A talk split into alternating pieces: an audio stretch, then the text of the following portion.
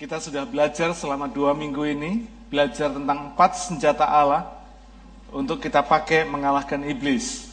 Ya. Di dalam pertempuran rohani yang harus kita hadapi. Kita mau nggak mau, suka atau nggak suka, kita harus menghadapi pertempuran rohani ini. Empat senjata Allah itu adalah ikat pinggang kebenaran, ikat pinggang the truth, untuk menghadapi hujan kebohongan yang iblis tebarkan di dunia ini.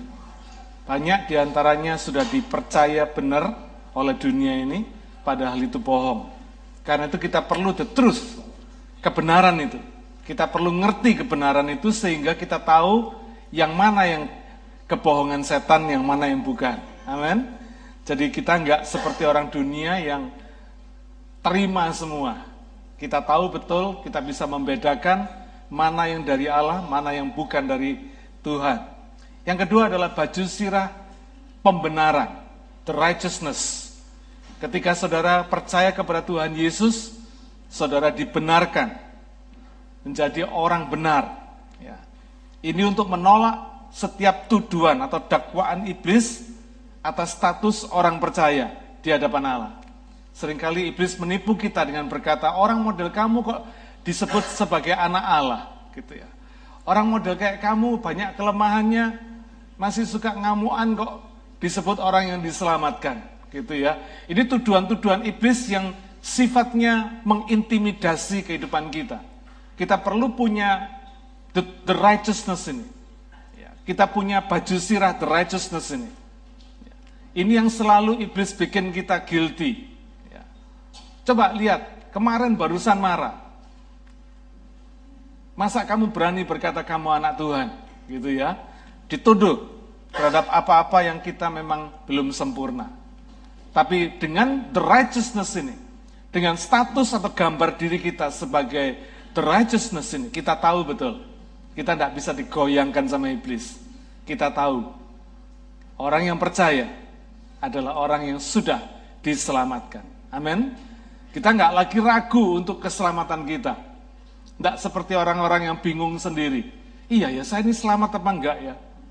Ada yang berkata keselamatan itu bisa hilang. Ya.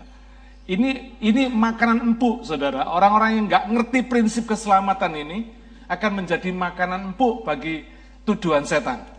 Dia akan tidak pernah tenang dalam hidupnya. Ya. Tapi orang yang ngerti the righteousness ini, pembenaran yang sudah dikerjakan Tuhan Yesus di atas kayu salib buat kita semua, maka kita tahu betul kita ini sebagai hidup sebagai anak-anak Tuhan yang sudah diselamatkan. Ya. Yang ketiga adalah kasus atau sepatu untuk memberitakan Injil damai sejahtera. Ini untuk mendorong kita bertindak aktif ya, atau bertindak proaktif. Kita tahu betul bahwa ketika kita pakai sepatu kita siap apa saudara? Siap jalan, siap pergi, siap melangkah. Ya.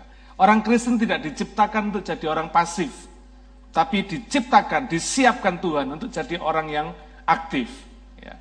Karena itu kasut kerelaan memberitakan Injil ini penting. Saudara, kalau kita tidak rela, tidak punya kemauan, tidak punya keputusan, tidak punya keinginan untuk memberitakan Injil, biarpun Tuhan kirim jiwa di depan kita pun, kita nggak bakal mengabarkan Injil. Betul nggak? Seringkali banyak Tuhan kirim jiwa ke hadapan kita. But we do nothing. Ya. Saksi aja enggak. Gitu. Kenapa?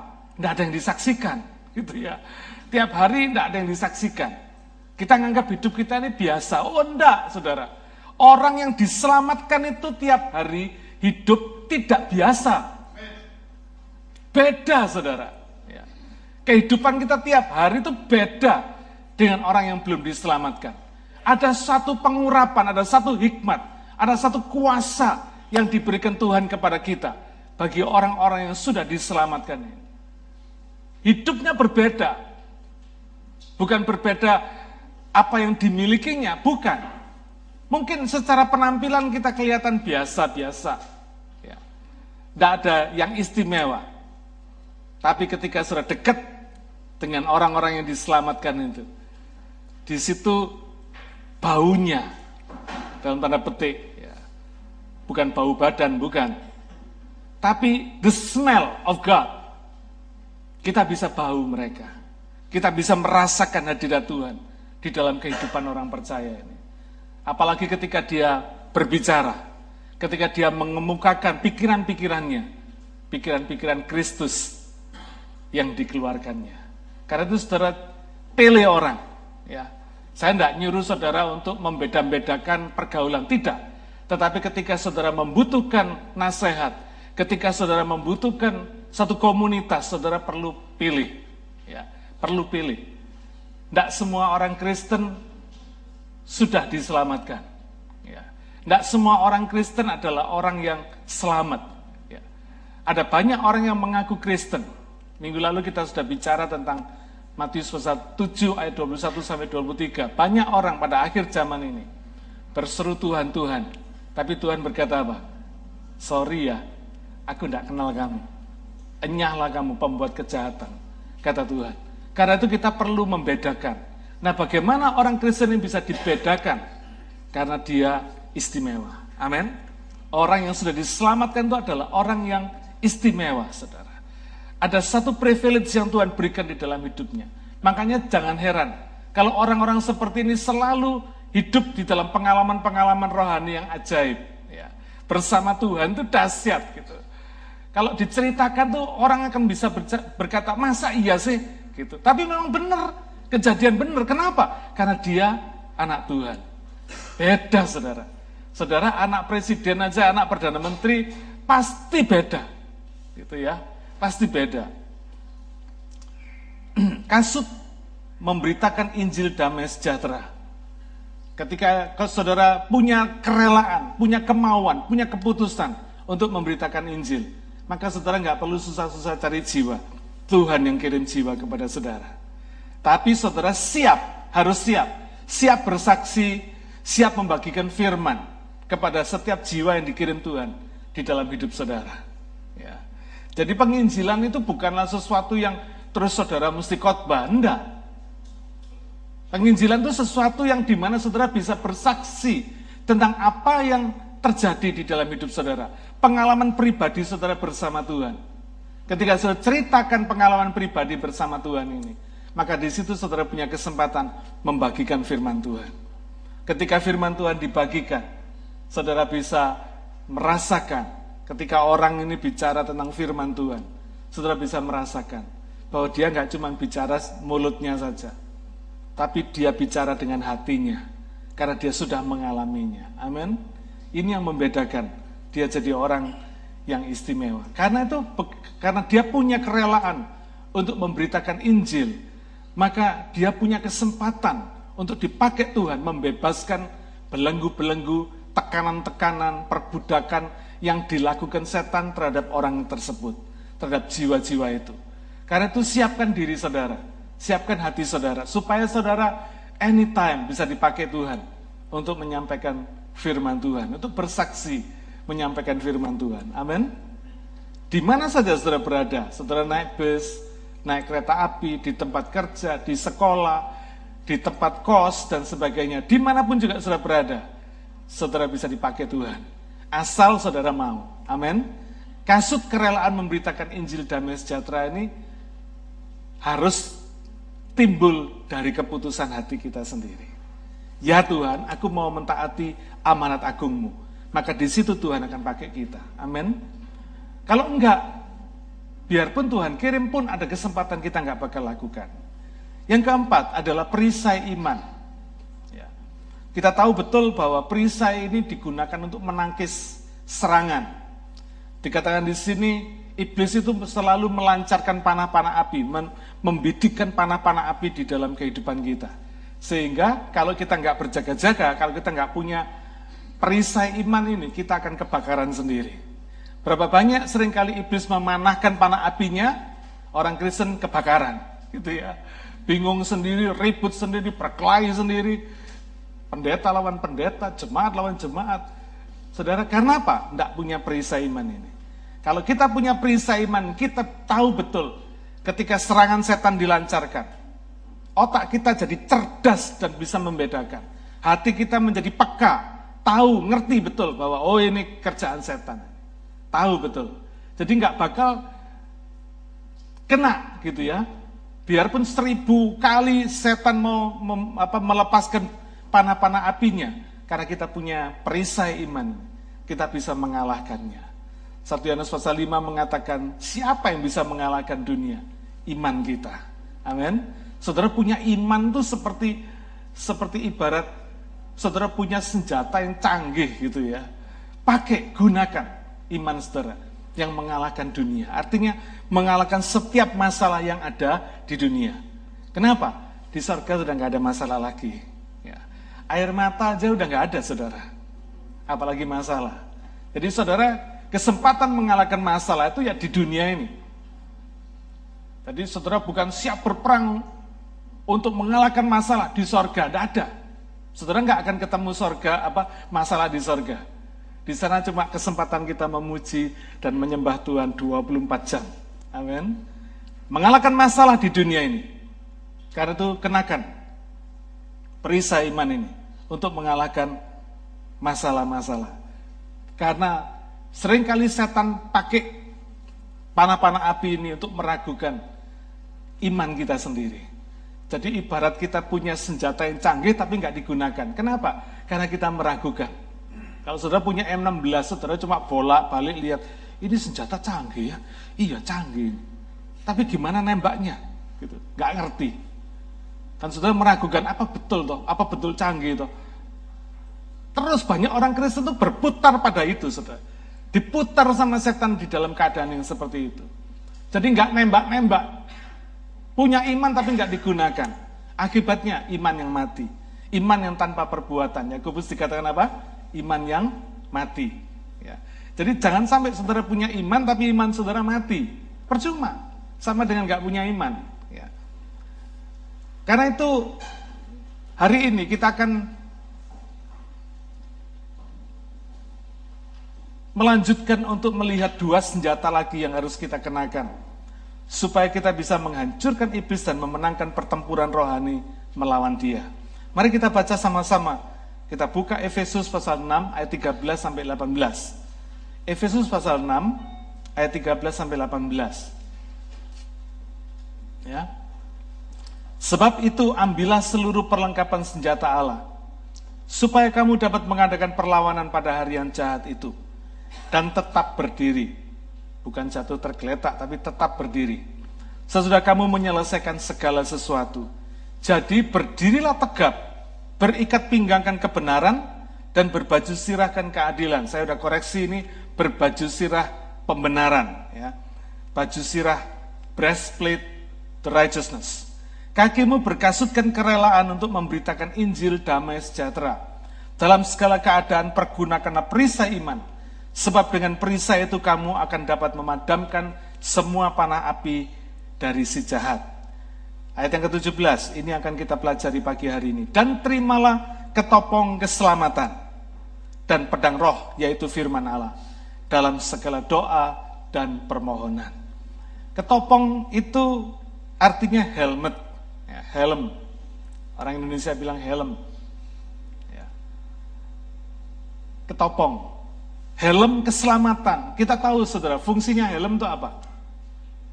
untuk melindungi kepala kita dari benturan, dari segala kemungkinan-kemungkinan kecelakaan, ya kan? Kalau ada sesuatu yang membahayakan kepala kita, ada helm yang akan melindungi kepala kita. Ya. Kenapa, saudara? Kenapa kepala kita ini perlu dilindungi oleh helm? Kenapa? Karena di sini ada sekepel bakpao ini, saudara ya. Kalau sudah lihat modelnya kan kayak bakpao. Tapi ini otak. Ya. Ini organ penting untuk kontrol seluruh tubuh kita. Ya. Sangat penting sekali. Karena itu otak ini mesti dilindungi. Kalau otak kita sehat, maka seluruh tubuh kita terkontrol dengan baik. Kalau orang kena stroke, pembuluh darah di otak pecah, maka sebagian atau seluruh tubuh ini akan lumpuh, saudara orang bisa mati. Demikian juga kalau orang kena serangan jantung. Ya. Saya baru dapat SMS dari teman saya di Indonesia, dia anak arsitek, dosen Petra, dulu bekas ketua Dewan Mahasiswa kami waktu di Petra. Mereka lagi siarah ke Roma karena dia orang orang Katolik. Sudah lewat empat pintu karena di Basilika itu di, di Roma itu kalau mereka siarah itu mereka harus melewati beberapa pintu ya. Seperti jalan salib kalau sering ngerti. Pada sampai ke pintu yang kelima dia jatuh. Kena serangan jantung. Rupanya dia sudah nggak sehat tapi dipaksakan pergi. Dikuat-kuatkan akhirnya nggak kuat juga. Meninggal. Meninggal di Roma. Ya. Jenazahnya dibawa pulang ke Indonesia. Kalau orang kena serangan jantung, maka jantung tidak lagi mampu memompa darah sampai ke otak. Dalam waktu 10 menit, kalau otak kita nggak dapat oksigen, darah kita kan membawa oksigen sampai ke otak, ya kan? Tapi kalau dalam waktu 10 menit otak kita nggak nggak dapat oksigen, orang bisa jadi almarhum, saudara. Ya. Nggak ketulungan, game over. Ini menunjukkan betapa otak itu sangat penting. Sebab otak itu tempat pikiran dan akal budi kita yang membedakan manusia dengan ciptaan yang lain. Nah, sekarang kita mulai ngeliat. Ya. Jelas ketopong keselamatan ini bukan bicara tentang helm jasmani, bukan. Tapi ini bicara tentang helm rohani. Ya. Supaya apa? Apa yang perlu dilindungi? Pikiran kita. Pikiran kita ini yang perlu dilindungi. Karena pikiran ini tempat setan melepaskan panah apinya. Ya. Di pikiran kita. Sudah menjadi rahasia umum saudara kalau banyak orang Kristen yang berpikiran positif, lebih banyak orang Kristen yang berpikiran apa berpikiran negatif daripada yang berpikiran positif. Fakta. Kalau saudara ketemu mungkin dari 10 orang, cuma satu yang berpikiran positif. Ya. Yang sembilan berpikiran negatif. Gampang sekali. Kenapa? Karena yang negatif itu gampang sekali menyeret yang positif. Saudara tidak percaya? Saudara kumpul sama orang yang nggak benar. Hidup saudara benar nanti ikut jadi nggak benar, saudara. Ya. Kenapa? Alkitab sudah mengatakan Sesuatu yang jelek itu lebih mudah menyeret yang baik daripada yang baik nyeret yang yang nggak baik. Ya. Satu kali ada seorang yang punya burung beo. Burung beo ini selalu swearing-swearing, maki-maki. Ngomongnya nggak karuan. Dia malu punya burung ini. Karena setiap kali dia keluar ketemu sama burung ini, burung ini maki-maki dia. Kalau ada tamu datang ke rumahnya, burung ini ikut maki-maki lagi gitu ya. Dia malu bener punya burung seperti ini. Tapi mau mau dilepas ya sayang gitu, pinter burungnya, ngomongnya pinter dan sebagainya. Tapi ya itu suka maki-maki, suka swearing-swearing. Akhirnya dia punya ide, ah kebetulan pendeta di sebelah rumah dia ini juga punya burung yang sama. Setiap pagi dia dengar burung ini bicara haleluya. Kalau pendetanya keluar ketemu burung yang ngomong haleluya. Gitu. Kalau pendetanya baru pulang, burungnya ngomong shalom gitu. Pinter burung ini. Lalu akhirnya orang ini punya ide, ah gua titipin aja burung saya ini ke, ke tempat pendeta katanya. Saya yakin satu bulan jadi baik ini burung. Ternyata apa yang terjadi? Setelah burung ini dititipkan ke, ke sebelah, burungnya pendeta yang ikut maki-maki, saudara. Ya, belajar dari burungnya tetangga. Gitu ya. Karena yang jelek gampang narik yang baik daripada yang baik narik yang jelek. Karena itu saudara harus punya prinsip dalam hidup tuh mesti punya prinsip. Sudah tahu jelek ya jangan dikumpuli. Kira-kira begitu ya. Pisahkan diri saudara. Seperti arti kata eklesia, gereja Tuhan, itu orang-orang yang dipisahkan. Ya. 1 Petrus 2 ayat 9 dikatakan, kamulah bangsa yang terpilih. Artinya bangsa yang dipisahkan. Ya. Dari terang eh, dari gelap menuju terangnya yang ajaib. Jadi memang hidup kita tuh dipisahkan oleh Tuhan dari dari pergaulan yang jahat. Jadi kalau saudara di mana saja saudara melihat komunitas-komunitas yang kurang baik, jangan dikumpuli. Jangan dikumpuli. Jangan merasa kuat, oh enggak, bakalnya saya bisa tarik mereka enggak. Ya.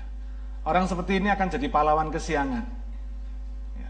Kalau saudara dipakai Tuhan untuk menginjili komunitas orang-orang seperti ini, nanti Tuhan memberikan kepada saudara panggilan khusus. Ya. Panggilan khusus.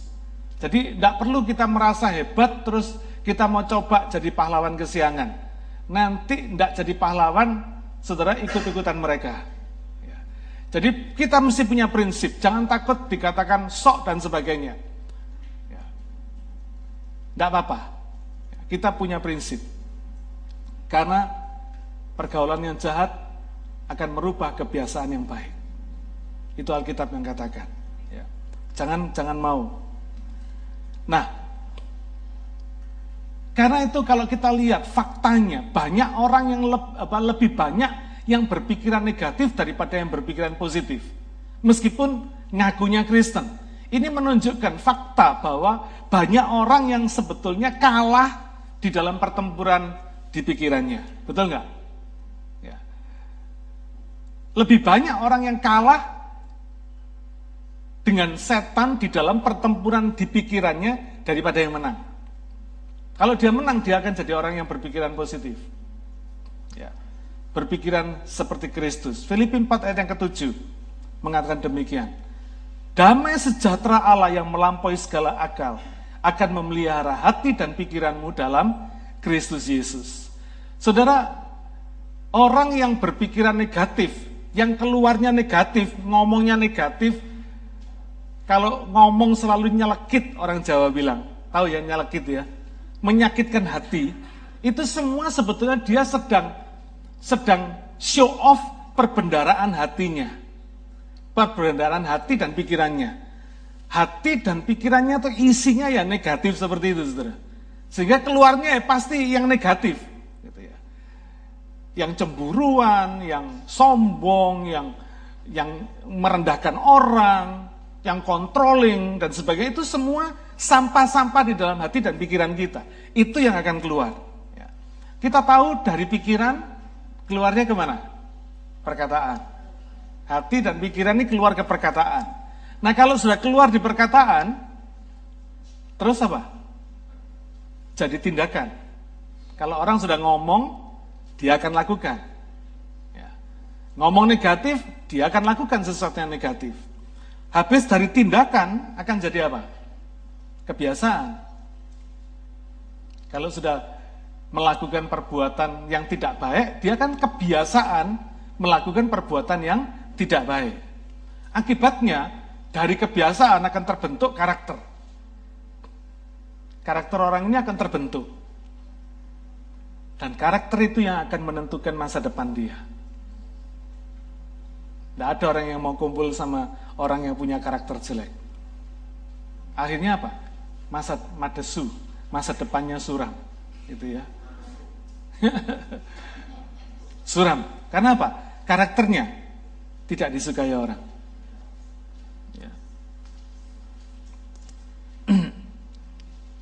Jadi baik buruknya masa depan kita itu tergantung dari pikiran kita. Karena itu kenapa Filipi 4 ayat yang ketujuh tadi berkata, Damai sejahtera Allah yang melampaui segala akal akan memelihara hati dan pikiranmu dalam Kristus Yesus. Orang-orang yang percaya kepada Tuhan Yesus, orang-orang yang sudah diselamatkan, itu akan dipelihara sama Tuhan. Hati dan pikirannya akan sensitif. Ngerasani orang aja nggak mau, saudara ngejudge orang, menghakimi orang, dia nggak mau. Ya. Berpikiran negatif dia nggak mau. Karena apa? Karena kontrol roh kudus itu akan membuat alarm kita tuh selalu berbunyi kalau kita mulai salah. Ya. Saat dikit aja langsung bunyi. Alarmnya langsung ngomong. Tapi cirinya orang yang dikontrol setan itu justru sebaliknya. Apa yang dia keluarkan, pikirannya negatif, mulutnya negatif, tindakannya negatif, menyakitkan hati, menyakitkan hati Tuhan, menyakitkan hati orang lain, dan sebagainya. Itu tandanya orang yang dikontrol setan. Karena isinya hati dan pikirannya negatif. Dan yang negatif itu sampah-sampah tempat di mana setan paling suka ada di sana. Kalau dipelihara terus, makin lama sampahnya akan makin menggunung. Ya. Karena itu perlu cut off. Perlu kebiasaan yang baik yang mulai dilatih, ya, dilakukan. Pertempuran dengan iblis ini justru yang terbanyak ada di pikiran. Yang repot itu pertempuran yang di pikiran ini. Kalau pertempuran di, di depan gini, gampang saudara. Saudara menghadapi dukun, paranormal, orang suhu dan sebagainya itu gampang sekali. Saya kasih tahu, gampang sekali. Tapi bertempur sama setan di pikiran, ini yang susah. Karena tidak ada yang lihat, tidak ada yang tahu. Ya. Dalam pengalaman saya mengusir setan selama lima tahun, saya tahu betul. Makanya saya berani bilang, saudara nggak usah takut kalau berhadapan face to face sama sama setan gitu ya. Setan yang takut sama saudara. Ya. Jadi saudara jangan takut. Jangan saudara lari, setannya yang lari. Ya. Karena itu ketika ketika Yesus dicobai oleh iblis di padang gurun. Kalau saudara baca Matius 4 ayat 1 sampai 11. Saya nggak akan baca semua, saya cuma mau ringkas saja. Pertama apa? Yesus disuruh memerintahkan batu-batu menjadi roti untuk memenuhi kebutuhan jasmani. Karena Yesus lapar setelah puasa 40 hari. Ya. Sudah lihat di situ. Di mana pertempurannya? Di pikiran. Yesus saja diserang di pikirannya, saudara. Dia lapar, setelah 40 hari puasa, bisa nggak kira-kira Tuhan memerintahkan batu jadi roti? Bisa, karena Allah Maha Kuasa, Tuhan Yesus Maha Kuasa. Tapi Tuhan nggak mau. Gitu. Batu itu bukan makanan kita. Makanya dia berkata, manusia itu bukan dari roti saja, tapi dari setiap firman yang keluar dari mulut Allah. Kedua, Yesus dibawa ke hubungan bait Allah. Lalu setan berkata sama Yesus, jatuhkan dirimu, karena ada tertulis. Wah, sudah lihat ya. Malaikat-malaikat akan datang menatang kau sehingga kakimu tidak terantuk dengan batu. Saudara jangan pikir setan itu bodoh firman. Kalau saudara nggak ngerti firman, saudara bisa lebih bodoh dari setan. Karena setan itu ngerti firman. Cuma sama dia ditwist. Ya. Sama dia esensinya, motivasinya yang dirubah. Firman itu ada beneran. Yang dikatakan setan tadi itu ada. Kalau kita jatuh, Tuhan akan memerintahkan malaikat untuk menopang kaki kita, tangan kita, menopang kita supaya tidak kaki kita tidak terantuk dengan batu. Ada firmannya, tapi motivasinya yang dites sama setan. Yesus dicobai apa? Pride-nya. Cobai. Kalau Yesus menjatuhkan diri dari hubungan bait Allah, kira-kira malaikat akan menopang dia enggak? Pasti akan menopang dia. Tapi Yesus nggak mau. Makanya dia bilang, jangan mencobai Tuhan Allah. Sembah dia tapi jangan cobai. Jangan sekali-kali kau mencobai Tuhan Allah. Tuhan Yesus nggak mau diganggu pride-nya. Saudara biasanya kalau orang itu diganggu pride-nya marah. Ya. Jadi bagi saudara yang sedikit-sedikit marah gitu, itu tandanya pride-nya saudara itu masih tinggi gitu ya. Makanya saya selalu sarankan rendahkan diri saudara serendah-rendahnya. Supaya tidak ada orang lain yang bisa merendahkan saudara. Saudara tidak bisa diganggu pride-nya lagi. Yang ketiga, Yesus dibawa ke atas gunung yang tinggi. Dia ditunjukkan segala kerajaan dunia dengan segala kemegahannya. Lalu setan berkata, semua ini akan kuberikan kepadamu, asal kamu menyembah aku. Di sini pencobaan secara spiritual. Karena ada pilihan. Saudara, kita itu diperhadapkan selalu tiap hari dengan pilihan-pilihan. Karena itu kita ini perlu minta hikmat sama Tuhan, supaya pilihan yang kita ambil tiap hari itu tepat. Ya.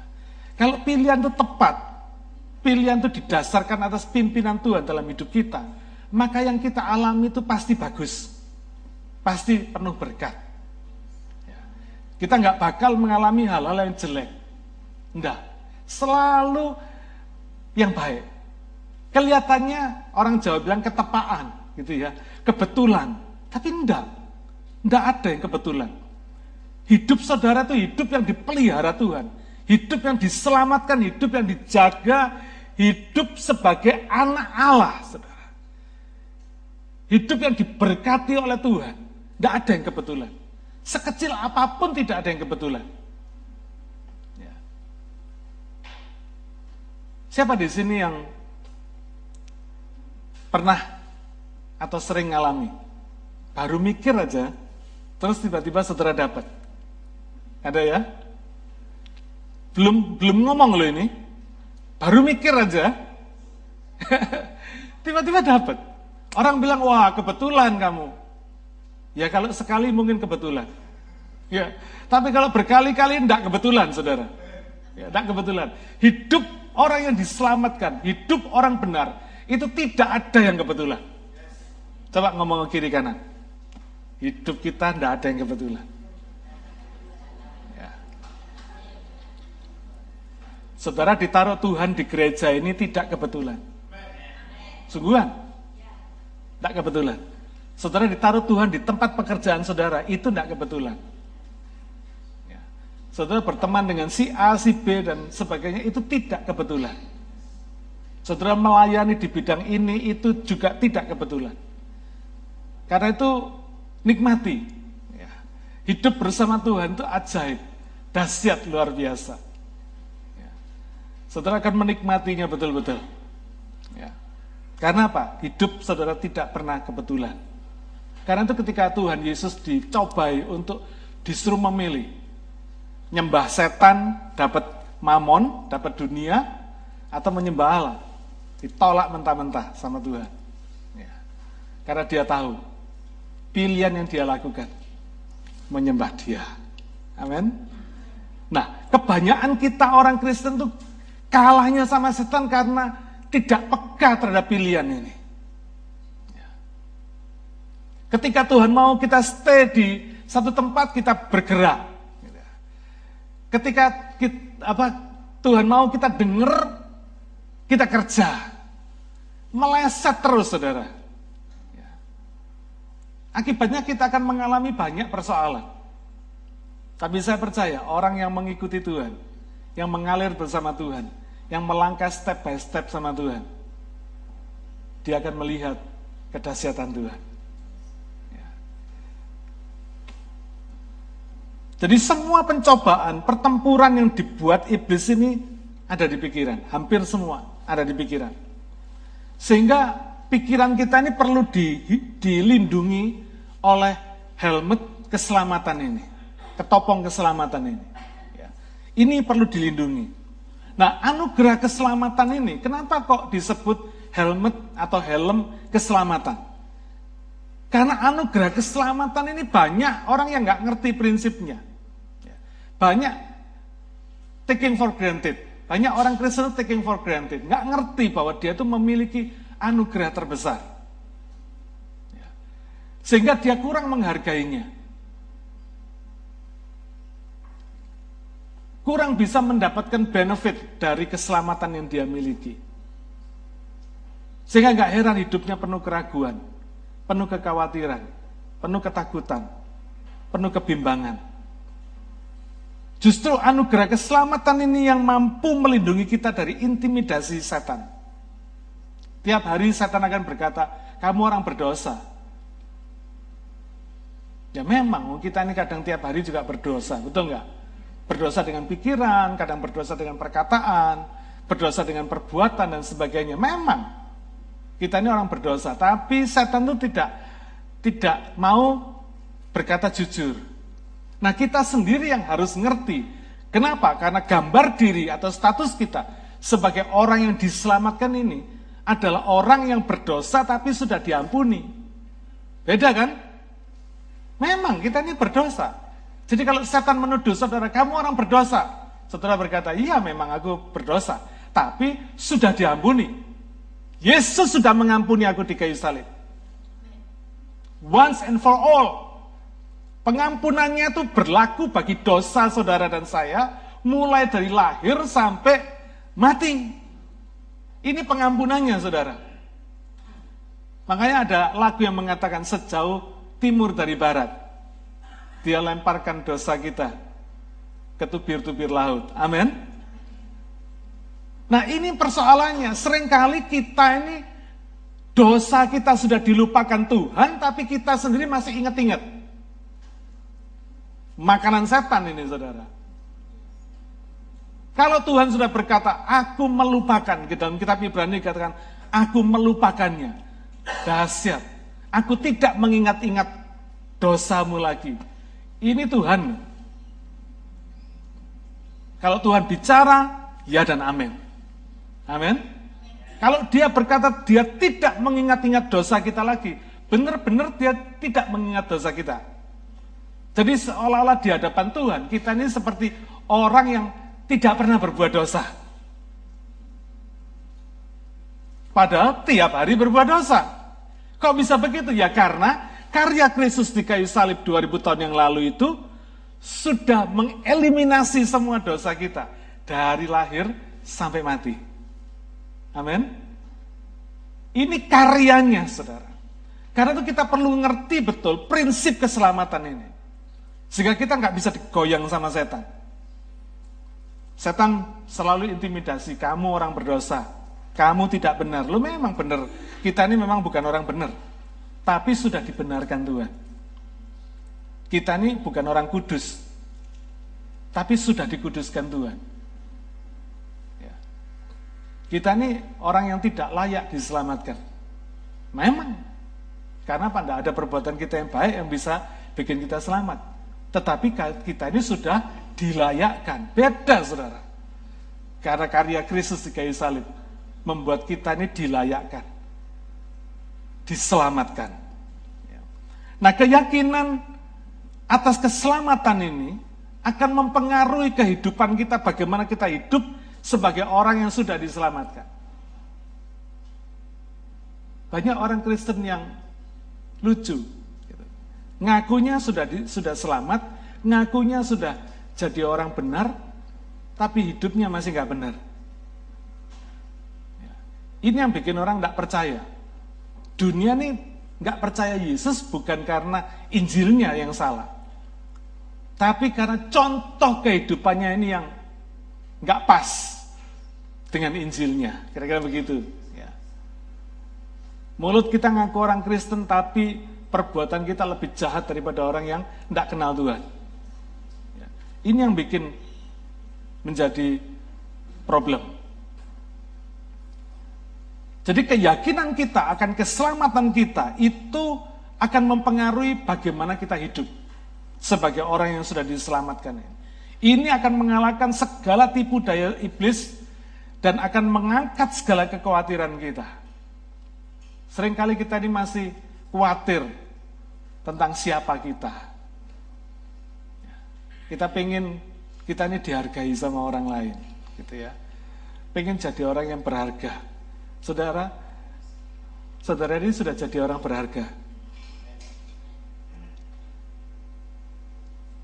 Dulu nobody. Sekarang sudah sudah jadi somebody. Orang yang berharga. Kenapa? Karena Tuhan yang membuat kita jadi berharga. Andai kata kita nggak diselamatkan, hidup kita ini nggak ada harganya. Karena itu berbahagialah kita. Kita nggak perlu takut dengan apa yang kita miliki. Setan itu selalu bikin kita khawatir atas apa yang kita miliki. Jadi kalau duit kita tambah, kita happy.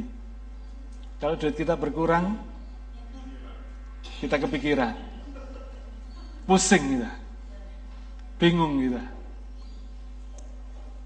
Semalam saya ditelepon seseorang. Bingung.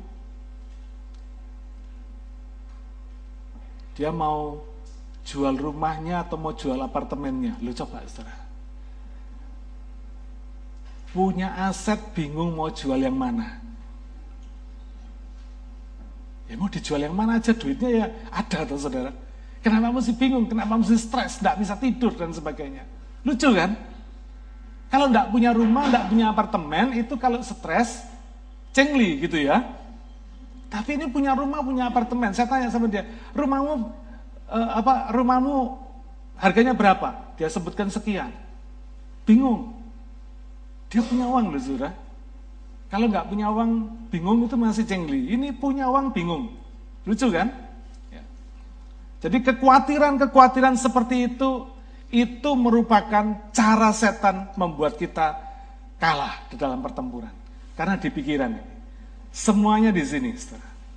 Ya. Kekhawatiran bagaimana nanti masa depan saya.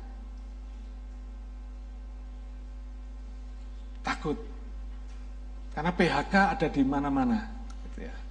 Apalagi sekarang Australia ini lagi rame-ramenya PHK gitu ya. Jangan khawatir saudara. Kalau Tuhan menempatkan saudara di pekerjaan ini, saudara akan dilindungi Tuhan, tidak bakal di PHK. Orang-orang yang lain kena PHK, saudara nggak bakal kena PHK. Jadi tenang aja, nggak usah kepikiran. Tapi begitu saudara kepikiran, begitu saya khawatir, begitu saya takut, saudara melupakan dia. Saudara lupa bahwa kita ada karena dia. Kita kerja karena dia. Tidak usah khawatir. Kekhawatiran di dalam pikiran orang percaya ini mempengaruhi tindakan dan respon terhadap masalah yang terjadi dalam hidup kita. Masalah itu semua negatif, namanya masalah, ya kan? Tapi respon kita terhadap masalah itu bisa positif. Itu pilihan kita. Meskipun saudara menghadapi masalah yang negatif, tetapi kalau saudara punya pilihan, mengambil keputusan untuk meresponi masalah itu dengan positif, bisa kok. Sehingga respon saudara positif, meskipun masalahnya yang terjadi negatif. Tidak apa-apa. Tapi respon kita tetap positif. Karena kita percaya kepada Tuhan. Ya. Saya pernah cerita bagaimana kalau ada orang makan uang saudara, nggak usah pusing. Yang makan uang saudara nggak bakal kaya, saudara yang dimakan uangnya juga nggak bakal miskin. Betul nggak? Santai aja. Kalau Tuhan izinkan uang saudara dimakan orang, artinya saudara perlu belajar banyak hal. Gitu ya. Nah, belajar ini yang penting. Kalau orang sudah nggak mau belajar repot. Ya. Berpikir sebagai orang yang diselamatkan ini, orang yang menang, sebagai orang yang menang, bahkan lebih dari pemenang, itu berpikir dengan pikiran Kristus. Ini adalah kunci kemenangan dalam pertempuran di pikiran ini. Pikiran Kristus ini, hati dan pikiran Kristus ini, membuat kita ini jadi pemenang. Ini yang membuat kita jadi pemenang. Asal kita bisa menjaga hati dan pikiran ini dan berpikir dengan pikiran Kristus. Maksudnya apa, saudara? Dan pikiran Kristus ini. Maksudnya gini, kalau saudara jadi Tuhan Yesus, kalau saudara jadi Kristus, apa yang akan saudara lakukan? Kira-kira gitu. Jadi contohnya misalnya saudara dihina orang. Saudara balas menghina, bisa kok. Tapi kalau Kristus jadi saudara, apa yang akan dia lakukan? Balas menghina atau enggak? Enggak. Nah ini yang namanya pikiran Kristus. Kalau saudara dimakan uangnya sama orang, saudara bisa nggak makan uang orang lain? Bisa. Tapi pikiran Kristus mengatakan apa? Enggak. Mau dimakan uang gua, makan dah, gitu ya saudara ya. Saudara nggak perlu terus, oh biarin uang saya dimakan dia, sekarang saya makan dia kan, boleh katanya. Habis dimakan ganti makan. Orang dunia biasa, oke. Okay. Tapi pikiran Kristus tidak begitu. Karena kalau Kristus jadi saudara, saudara nggak akan melakukan hal yang sama. Ya, ini yang disebut sebagai pikiran Kristus. Ini merupakan kunci kemenangan pertempuran di dalam pikiran ini. Setan tidak berdaya kalau saudara selalu berpikir kalau Tuhan jadi saya, apa yang mesti saya lakukan? Apa yang dia akan dia lakukan? Saudara pasti menang. Setan paling KO kalau saudara sudah berpikir dengan pikiran Kristus ini. Dia tidak bisa bikin hati saudara panas, dia tidak bisa bikin hati saudara pikiran saudara ngitung untung rugi, karena dengan pikiran Kristus, saudara melihat semuanya itu berkat. Amin. Luar biasa saudara. Kalau saudara diizinkan Tuhan dimakan uang saudara seribu dolar, artinya saudara siap diberkati lebih dari seribu dolar. Ini loh. Tidak percaya? Cobaan. Ya. Satu hari di Cina ada kelaparan. Ada seorang kaya yang baik hati. Dia mengundang 20 anak miskin di sekitar rumahnya untuk datang ke rumahnya tiap hari. Dia sediakan satu keranjang roti berisi 20 roti, tiap hari dia sediakan. Lalu anak-anak miskin ini datang ke rumah dia, mulai ambil roti. Balapan ngambil rotinya, ambil roti yang paling besar. Ya. Tinggal satu anak namanya Siame. Satu anak kecil ini, anak perempuan kecil ini, karena badannya kecil kalah sama yang lain-lain, saudara. Jadi dia terakhir dapat roti yang paling kecil. Sisanya satu roti yang paling kecil, yaitu bagian siame. Tapi anak kecil ini enggak, enggak sedih hati gitu ya. Tapi dia bersyukur, dia bilang, aduh terima kasih saya masih dapat roti. Ya. Lalu dia pulang, dia bawa roti ini, dia tunjukkan papa mamanya, lalu dia bagi roti ini kepada papa mamanya, supaya dimakan bersama. Ketika dia apa eh, bagi roti ini, tiba-tiba keluar uang koin dari roti ini, saudara kelinting gitu saudara ya. Terus dilihat, oh mamanya bilang nih uang koin mahal ini. Uang koin ini bisa untuk beli roti satu keranjang. Ini bisa buat kita makan sekeluarga satu minggu ini katanya. Ini pasti yang bikin roti ini di rumah orang kaya itu tidak tahu kalau uangnya jatuh di dalam adonan. Besok kamu kembalikan ya, katanya mamanya. Iya, katanya.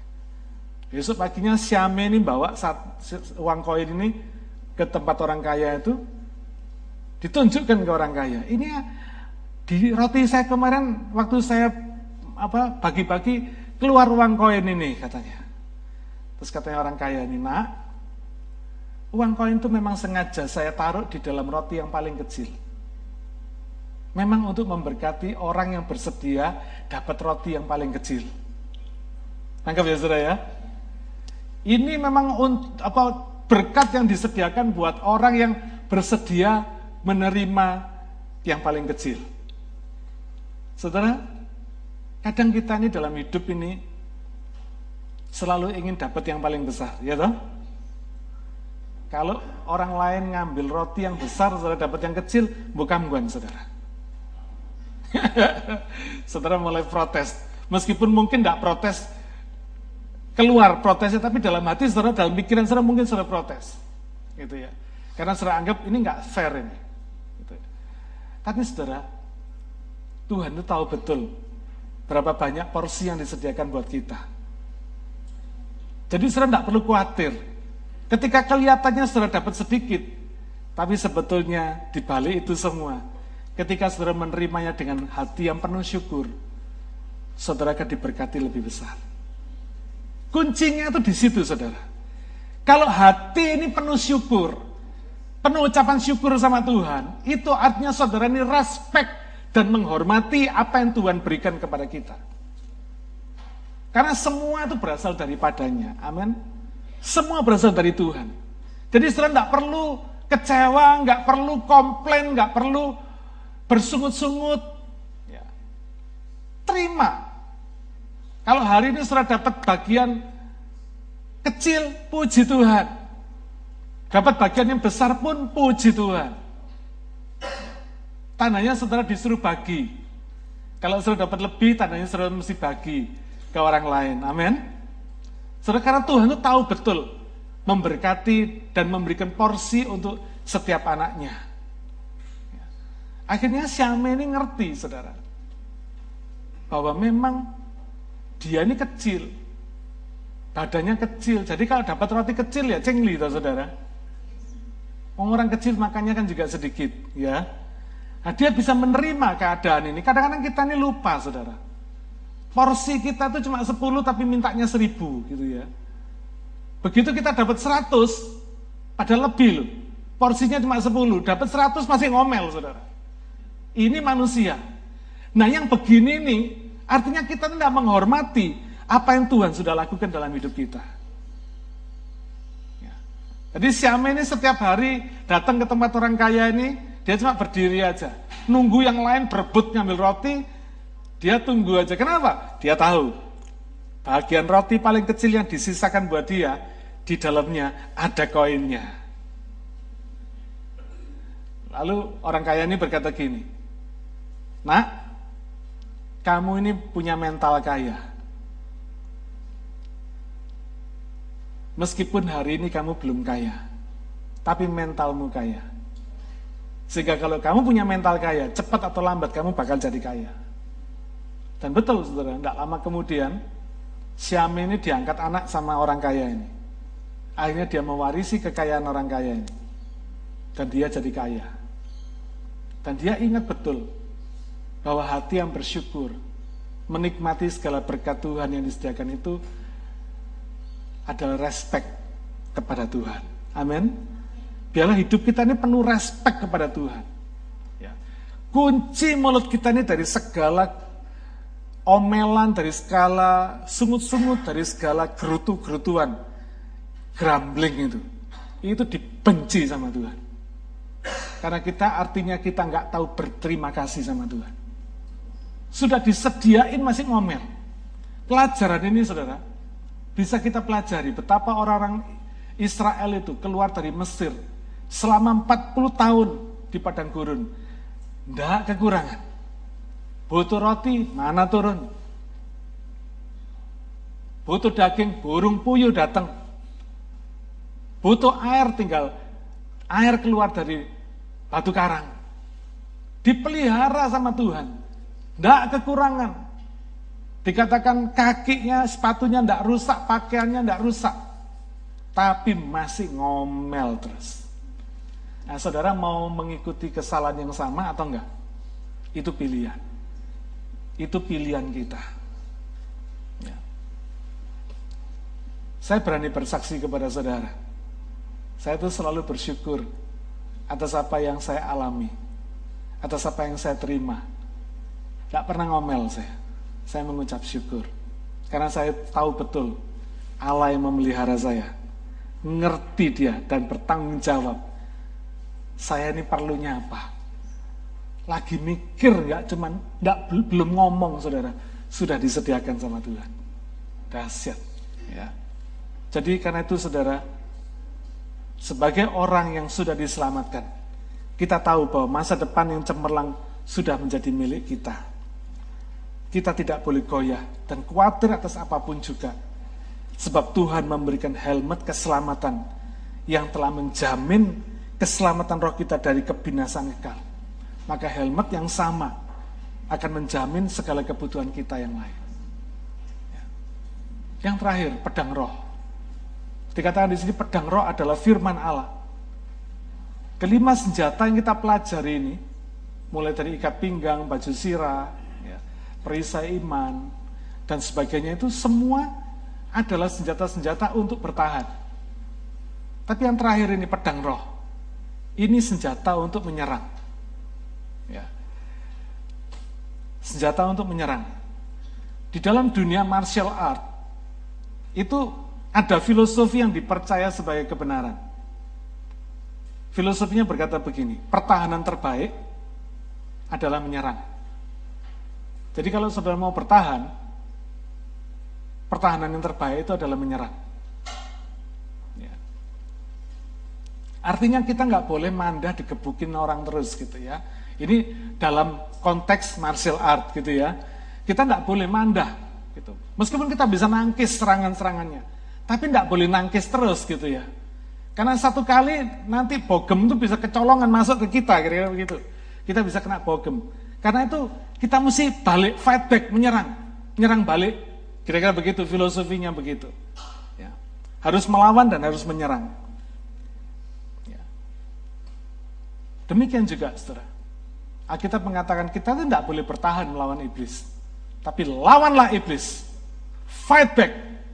Ya. Kalau dia serang-serang balik. Nah serang baliknya dengan apa? Dengan pedang roh ini. Dengan firman Tuhan. Ya. Bukan serang balik dengan kekuatan saudara. Dengan kehebatan saudara. Ya. Banyak orang Kristen diserang setan cuma berdoa aja. Minta tolong Tuhan minta perlindungan Tuhan. Tapi nggak tahu bagaimana caranya menyerang balik sama setan. Nggak ngerti. Ya. Padahal mestinya dia harus berani, harus bisa fight back dengan menggunakan firman Tuhan. Jadi kalau setan menyerang saudara dengan penyakit, serang balik dengan firman Yesaya 53 ayat yang kelima. Bilur-bilur Tuhan Yesus sudah menyembuhkan saya. Karena itu aku perintahkan segala sakit penyakit pergi dari saya. Bisa fight back dengan firman. Ya. Hari ini saya encourage saudara, supaya saudara belajar firman, supaya saudara bisa fight back. Yakobus 4 ayat yang ketujuh mengatakan, karena itu tunduklah kepada Allah dan lawanlah iblis, maka ia akan lari daripadamu.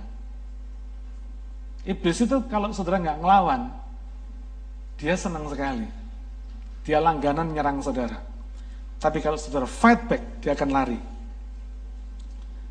Waktu Tuhan Yesus dicobai, dicobai di padang gurun, dia juga fight back dengan mengatakan ada tertulis.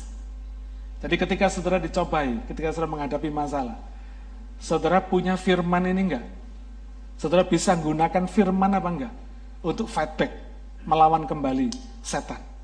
Ya, gunakan firman. Waktu Yesus dibawa ke hubungan bait Allah, dia berkata, ada tertulis jangan kau mencobai Tuhan Allahmu. Waktu Yesus disuruh bikin batu jadi roti, Tuhan berkata manusia hidup bukan dari roti saja. Tapi dari semua firman yang keluar dari mulut Allah. Tuhan pakai firman. Lah kalau Tuhan feedback dengan menggunakan firman, kita ini mau feedback pakai apa? Ya mestinya pakai firman yang sama. Amin. Efesus 6 ayat 16 yang terakhir. Efesus 6 ayat 18 mengatakan bahwa seluruh senjata Allah ini harus dikenakan dan digunakan dalam segala doa dan permohonan. Ini penting. Ya. Artinya, meskipun saudara sudah mengenakan seluruh senjata Allah, enam senjata Allah tadi itu komplit, saudara tidak boleh lupa mohon perlindungan dan pertolongan Tuhan. Ini penting. Ini menunjukkan kebergantungan kita kepada Tuhan yang memberikan senjata-senjata tadi itu. Ya. Kita nggak boleh lupa kepada pemberinya. Senjata-senjata dikatakan senjata-senjata Allah. Perlengkapan senjata Allah. Artinya yang punya Tuhan. Ketika kita mengenakannya, maka kita minta kasih karunia dan pertolongan Tuhan supaya ketika kita menggunakannya, Tuhan memberikan kepada kita hikmat. Dia memberikan kepada kita pengurapannya, sehingga kita bisa menggunakannya dengan baik, dengan timing yang tepat, ya, dengan cara yang tepat. Jadi tepat guna, saudara. Ya.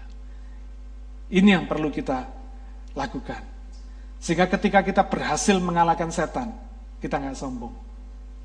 Karena kita tahu betul Kasih karunia Tuhan menyertai kita. Ya. Ketika kita belum berhasil, kita nggak kecil hati. Karena kita tahu, semua ada waktunya. Kalau masalah sudah belum selesai, bukan berarti tidak selesai. Kalau penyakit sudah belum sembuh, bukan berarti tidak sembuh. Tuhan selalu akan membuat indah pada waktunya. Pengkhotbah 3 ayat 11. Ayat satunya Alkitab mengatakan semua ada waktunya. Hari ini komplit sudah apa yang kita pelajari. Dari senjata nomor satu sampai senjata nomor enam. Saya percaya saudara bisa mengenakannya. Sambil menjaga hati dengan doa dan permohonan atas pertolongan dan kasih karunia Tuhan yang akan membuat pertempuran saudara berhasil. Berhasil saudara menangkan. Tanpa Tuhan saudara tidak bisa menang. Bersama Tuhan saudara pasti menang. Tidak ada kata kalah. Kalau Tuhan suruh kita bertempur melawan iblis, dia ada di belakang kita. Amin. Mari. Mari kita praktekkan apa yang kita sudah pelajari. Karena kita bukan cuma dengar teori, tapi ini betul-betul praktis untuk kita berhadapan dengan pertempuran demi pertempuran setiap hari. Amin. Mari kita berdoa.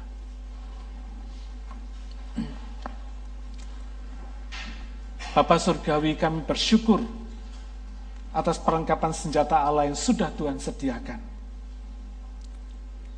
Kami percaya benar bahwa semua persenjataan Allah yang Tuhan sediakan buat kami itu sangat digun, sangat dibutuhkan dan sangat powerful untuk mengalahkan setan. Karena itu ya Bapak, kami menyerahkan setiap pertempuran rohani kami kepadamu. Dan kami mau mengenakan seluruh senjata Allah di dalam kehidupan kami. Sehingga kami diyakinkan Tuhan bahwa pertempuran kami akan kami menangkan. Bapak, kami bersyukur kalau hari ini kami boleh belajar dan menyelesaikan perlengkapan senjata Allah dalam hidup kami. Kami percaya atas kasih karunia dan anugerahmu, kami akan menang. Terima kasih ya Bapak, Engkau perlengkapi kami ketika kami harus menghadapi iblis. Engkau perlengkapi kami dengan senjata Allah yang luar biasa, sehingga kami mampu mengalahkan iblis. Tuhan, terima kasih. Berikan kami hikmat dan pengurapan-Mu, sehingga kami tidak salah melangkah dalam kehidupan ini. Penuhi hati kami dan pikiran kami dengan hati dan pikiran Kristus, supaya kami tidak berdosa kepada Tuhan. Kami bisa bersyukur atas segala berkat kasih karunia yang kau berikan kepada kami. Sehingga kami boleh menikmati hari-hari bersamamu Tuhan dengan penuh sukacita, damai, sejahtera. Pakai kami Tuhan, karena kami tahu kami orang-orang yang lebih dari pemenang, yang siap memberkati banyak orang supaya mereka datang kepada Tuhan dan diselamatkan. Bapak, terima kasih Materaikan firman-Mu dalam hati pikiran kami semua. Supaya firman-Mu yang berkuasa itu mengubahkan kehidupan kami dan menjadikan kami efektif di dalam tangan kasih-Mu. Melayani kau seumur hidup kami. Terima kasih Bapak. Ajarkan kami supaya kami dengar-dengaran suaramu dan taat kepadamu. Di dalam nama Tuhan Yesus, kami sudah berdoa dan mengucap syukur. Amin. Tuhan memberkati.